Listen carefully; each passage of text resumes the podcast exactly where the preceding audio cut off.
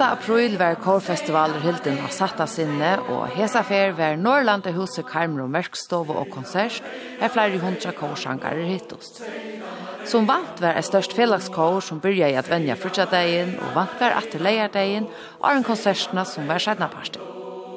Jeg fikk året av kårleieren til fellagskåren skamt undan konsertene.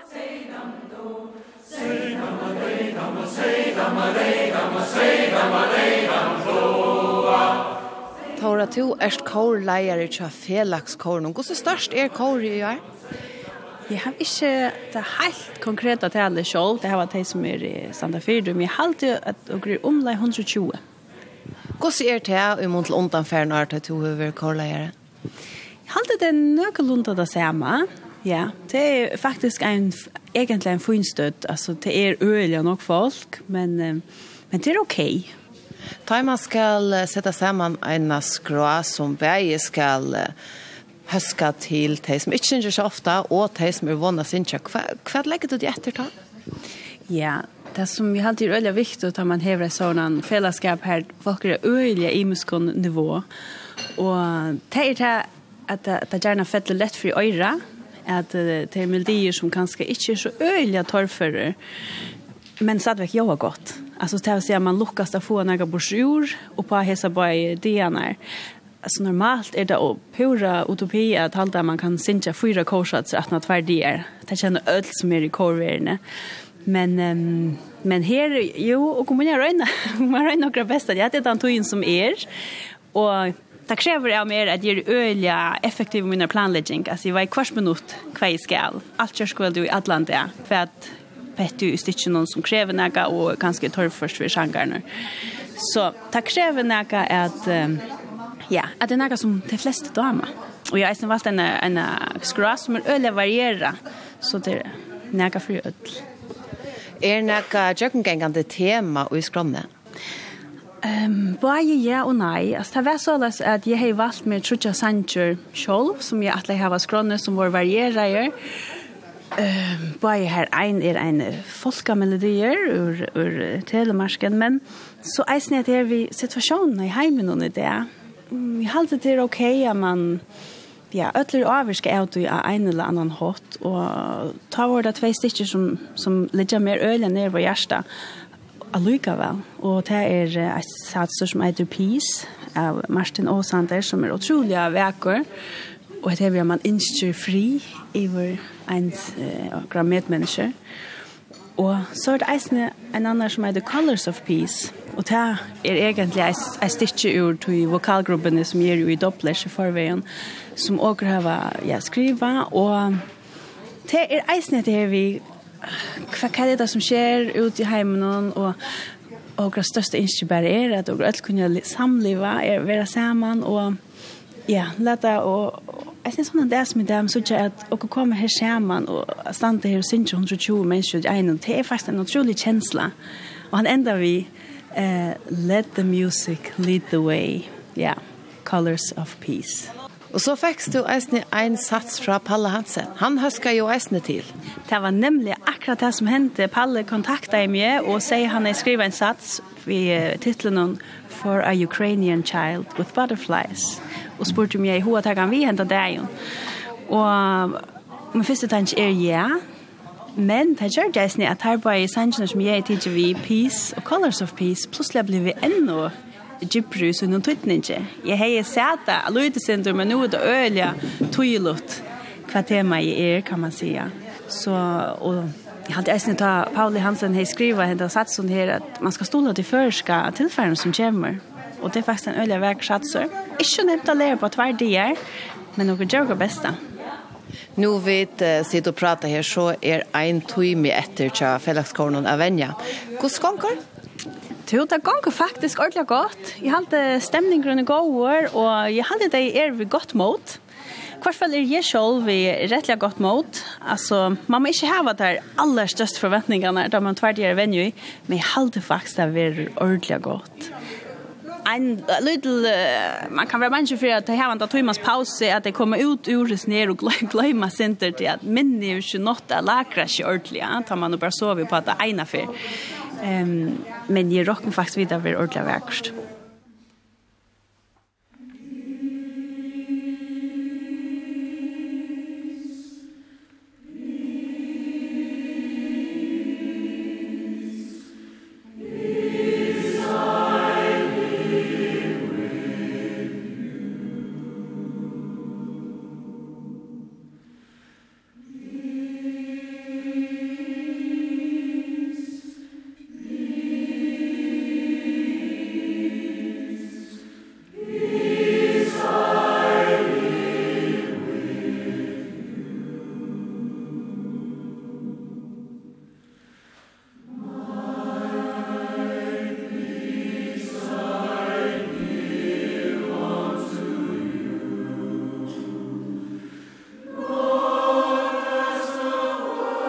Ta konserten byrja i var felagskåre fyrsta kåre at truna paddelen, og ein av sanken er at For a Ukrainian Child with Butterflies, og hesen var from framførter til kårfestivalen. Det er en isching etter Michael R. Birch, og Tonleggen hever Palle Hansen gjørst. Palle, hva er dette for uh, en isching for det første? Ja, det er en isching som vi fann uten etter han. Jeg leita faktisk etter ischingen som hadde vi Ukraina gjerra i samband med det. Og lukkelig krutje. Og så kom vi fram med her Michael R. Birch, amerikanare, som hei nokka erkikker litt kjenni utan. Og jeg fanns oss her i Kina, og vi damte vel. Så jeg tar noe av påsken, skurstad og langa frutjera, så, så skriver jeg til, taler han kjent. Og så sendte jeg til land eh, sendte ljófylna til han, og tatt om det vel. Og han bare bare bruker skina. Så til søvann etter høyden. Hva er detta för en iskin? Hva snurrer hun om? Ja, hon är ju en symbolsk alltså. Förvaltar alltså. Och här är stormar och allt möjligt. Elvever som själva symboliserar Ja. Og butterflies förvaldan hva det så til. Jeg også kanskje at det er flyktingar som flytter over Ukraina eller jeg vet ikke ordentlig, men det er gitt det er det. Hva er det for et hole at du har lagt deg etter at det ledger at det er ikke Jeg hole er, altså jeg bedler meg inn at uh, førerske tannlager, som du målkjenter, at her er akkurat uh, forbindelse vi uh, østeuropeiska musikk. Um, og det er sanger, han er målkjenter, og ljøs uh, sopranrødner, det er lukket som stand i kontrast til stemmen litt i unto som er stunder myrskar, hattane ganska, ganska symboliserar det forferdelige som henter her, her i Vrem jeg vet ikke, det, det är något här jag också. Och gott så ber det till att um, sankren vil sjunke nå av Korfestivalen? Jeg er ju just han och Korfestivalen skulle vara så jeg setter mig i samband med Kårsambandet, och och Tore och Gradonalia korlärare. Och hon tok han så vi i februari. Hon helt passade väl. Och det er faktiskt nu han ska synkas nå med han. Mera center på han Og nu er det stora kåret så i fer vi att vänja hända sanchen som ska synka så ni det. da med det? Jeg halte en gånger helt väl. Eh det er sånn at det här til pausen när de problem med att komma in att ta ta vi att han har paus så kör inn in att paus ja. Det kan være tro men det det det vi kommer så det det kan bli gott. Hoxa du om ta det skriva i det att det skulle være størst kurs som gjerne Sankan det sanche. Um, jeg vet ikke hva jeg hoxa men dette var opplagt över altså. Her er jo hva det er alt andre folk lov så rätt.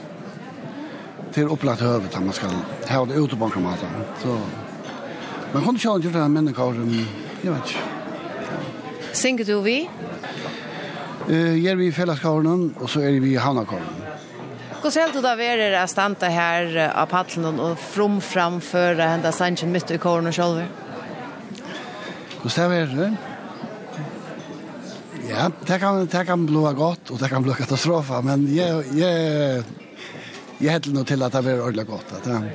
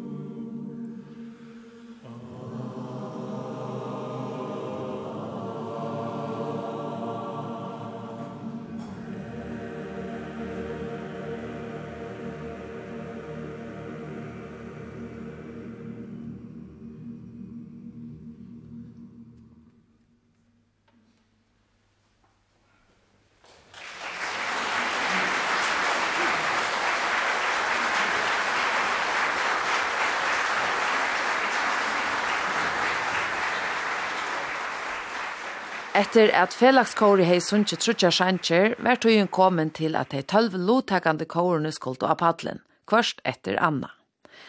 Ta konserten eisne var en kapping, hei lotakast i undan konsertene om ræfelkina tja kårene.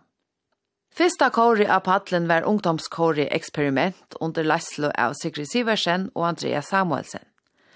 De framførte tvær sjanger, og her høyrer vi deg vi ta ever stårer, et viselæ, som her er utsett av Atla Kara Sine Pedersen.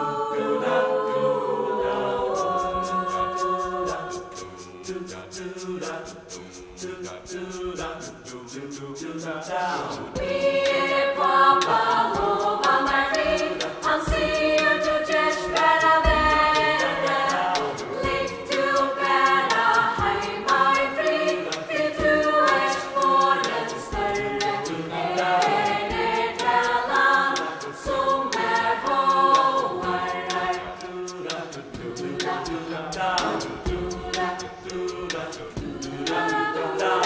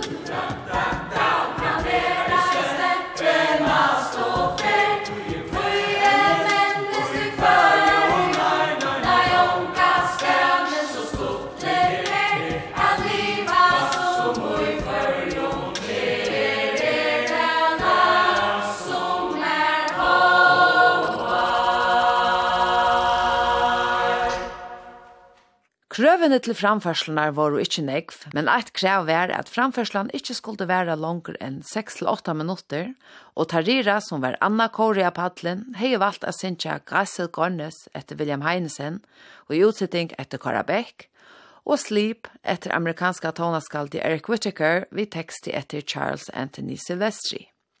Tarira, som i år har 20 år av her under Leslie av Sunleiv Rasmussen, vann et tria plås i kappingene.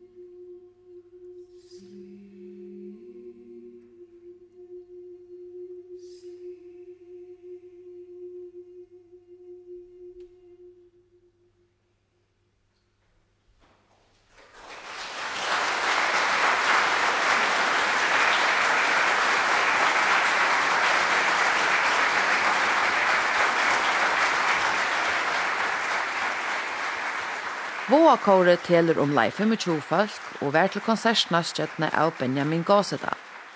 Til konsertene sunket det i tvær sanger.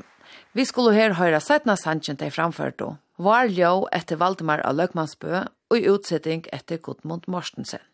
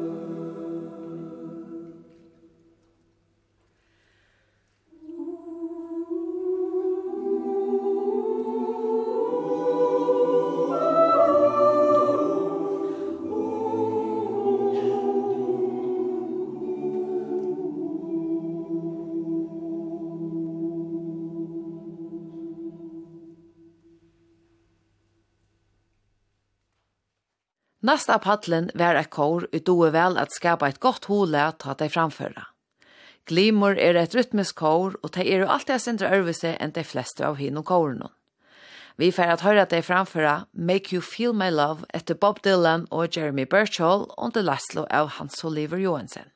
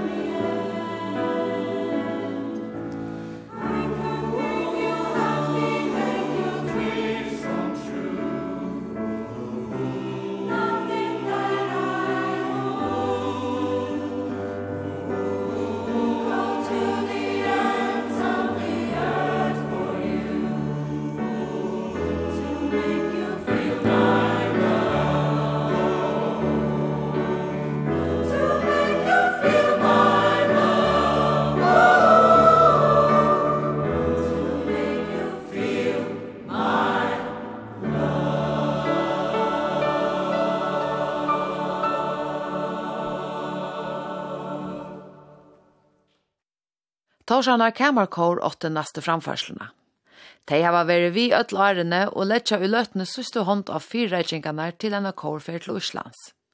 De har til hesafer valgt å synge Lux av Romkve etter samme Erik Whittaker som vi tar til Tariro synge Johanne, omframt heldur Ørvese Njon Njon etter amerikanska Jake Runestad. Kamerkåret støttene av Bernard Wilkinson vann Anna Ploss i kappingene.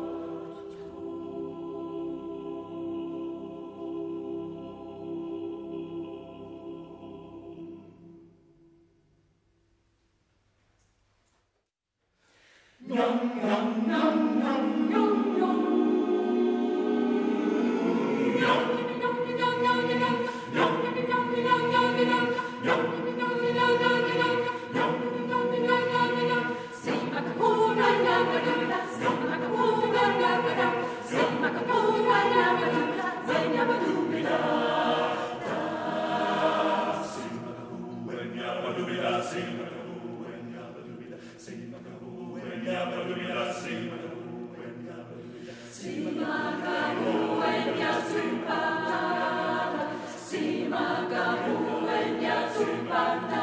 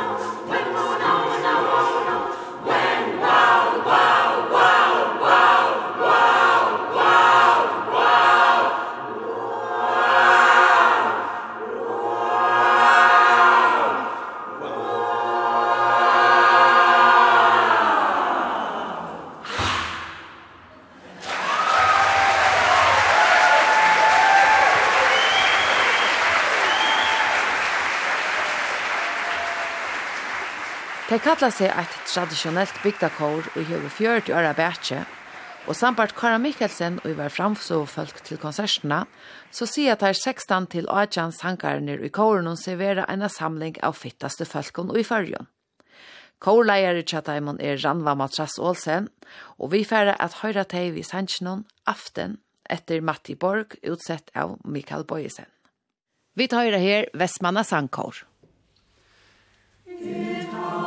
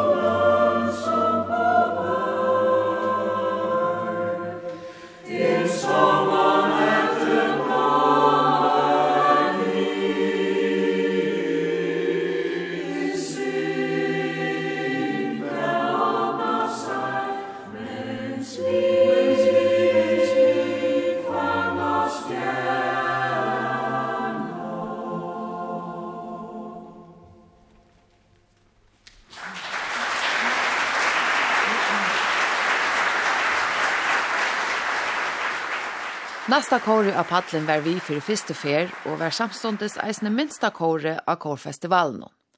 Silvittne er eit kvinnekår under Leslo av Cynthia Gonzales, som er tonlega utbyggvin ur Chile. Kåre var setta stån i 2020, og nødje sankarar er vi. Ter sjunko japanska Mai E etter Kentaro Sato, og Las Amarias, som er en sibonden meksikanske sjankur i utsetting etter Stephen Hatfield. Etter at vi har hørt her sinja, færre vi at høyre at Tore Vestergaard tjåsa Silvittne som vinnare av Kårfestivalen i år. Tore var domare sammen vi Andreo Henriksdøtter og Edith Dahl Jakobsen.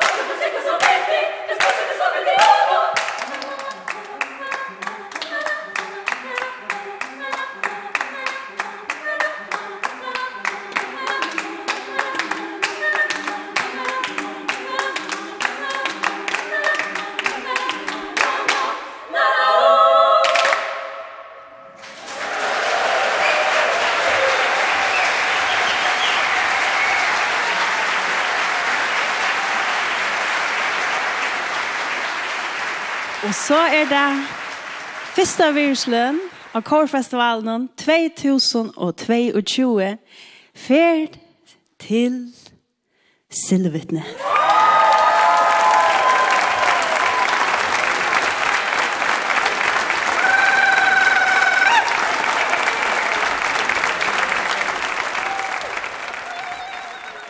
Havna kåren må telljast mellom mest rønt og kår, tatt seg om å synge de store verskene.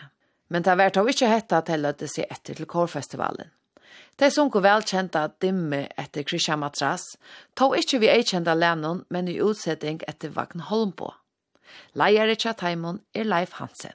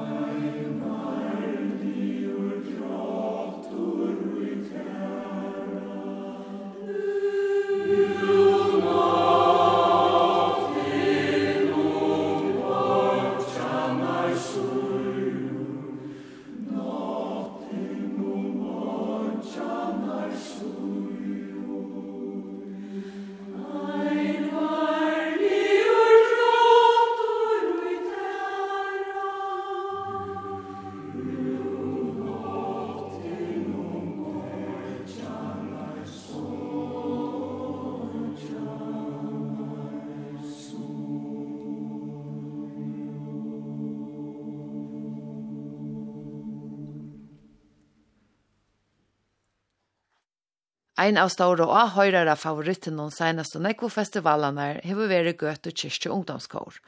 De har steg så vel i kappingen i flere fyr. Og i år vunnet de atter og høyrere viruslønene som gjaltande gestene til konsertene velja. Vi tar at de under lesle av Simon i Hammer, Sinja The Conversation of Saul etter Z. Randall Stroop.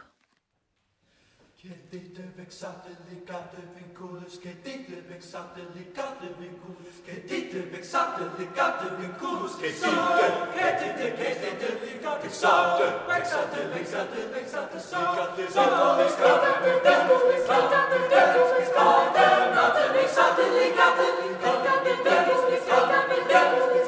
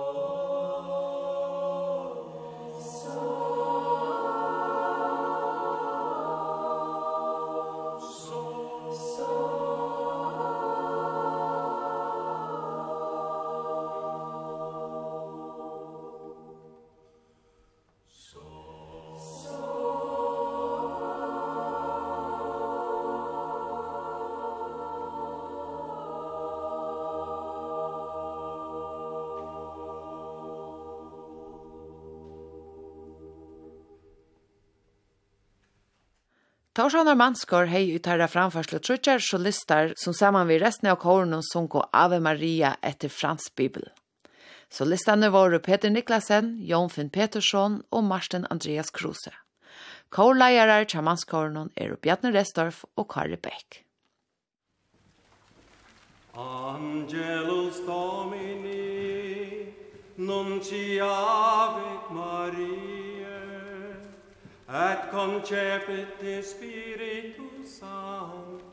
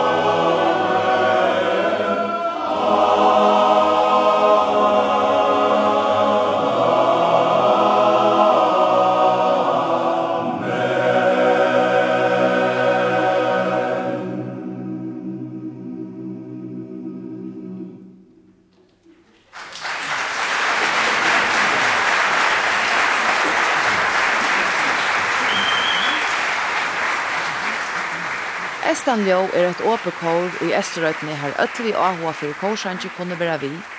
Og sjalt om de sier seg mest sinja sipunan kårtonleik, så slipper imes nytta eisen oppe i parst. Estan Ljó under Leisla og Jakob Dahl Vardom synger her Manasegl etter Eiver og i utsetting etter Trønt Boasson.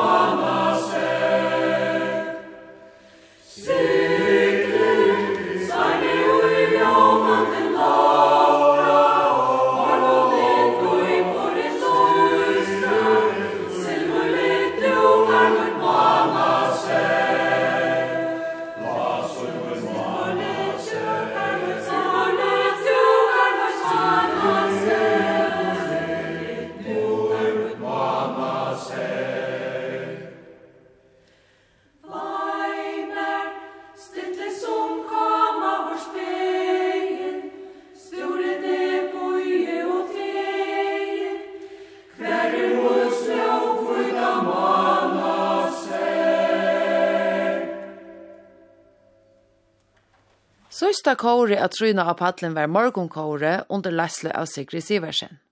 Morgonkåre er et sera virkje kår og hever einar 40-50 limer, og dei sinja til tiltøk via hver. Vi tver at enda hesa sending ved at høyra morgonkåre sinja morgon etter Martin Johansen, her John Høyby eier utsettingsna. Morgon!